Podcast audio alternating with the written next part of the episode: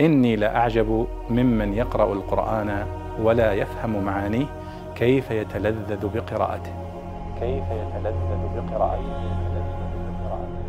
السلام عليكم ورحمة الله وبركاته. آه الحساب آه الأخ أو الأخت سلسبيل يسأل عن قوله تعالى أولئك الذين أبسلوا بما كسبوا. أولئك الذين أبسلوا بما كسبوا. أبسلوا ما معنى أبسلوا؟ فهي مأخوذة من مادة بسل في اللغة. بسل بمعنى منع. فأولئك الذين أبسلوا بما كسبوا أي منعوا ثواب أعمالهم في الآخرة. منعا فيه قهر وإجبار.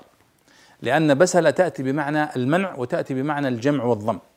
فإذا قلنا فلان باسل الوجه وفلان باسل أي شجاع يظهر ذلك في وجهه وفي تقاسيم وجهه. وأيضا أن الإنسان الباسل هو الإنسان الشجاع الذي يمنع نفسه ولا يستطيع الآخرون أن يعتدوا عليه.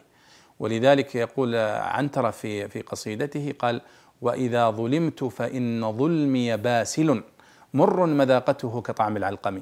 يعني أنا يعني فإذا ظلمت فإن ظلمي باسل.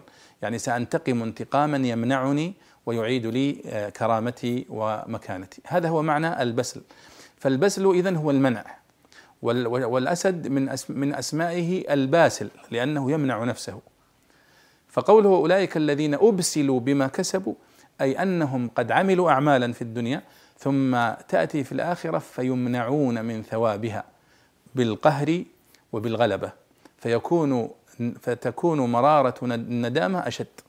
كما قال الله سبحانه وتعالى وقدمنا إلى ما عملوا من عمل فجعلناه هباء منثورا وهذا لا شك أنه أشد في الحسرة وأشد في الندامة يوم القيامة. نسأل الله سبحانه وتعالى السلام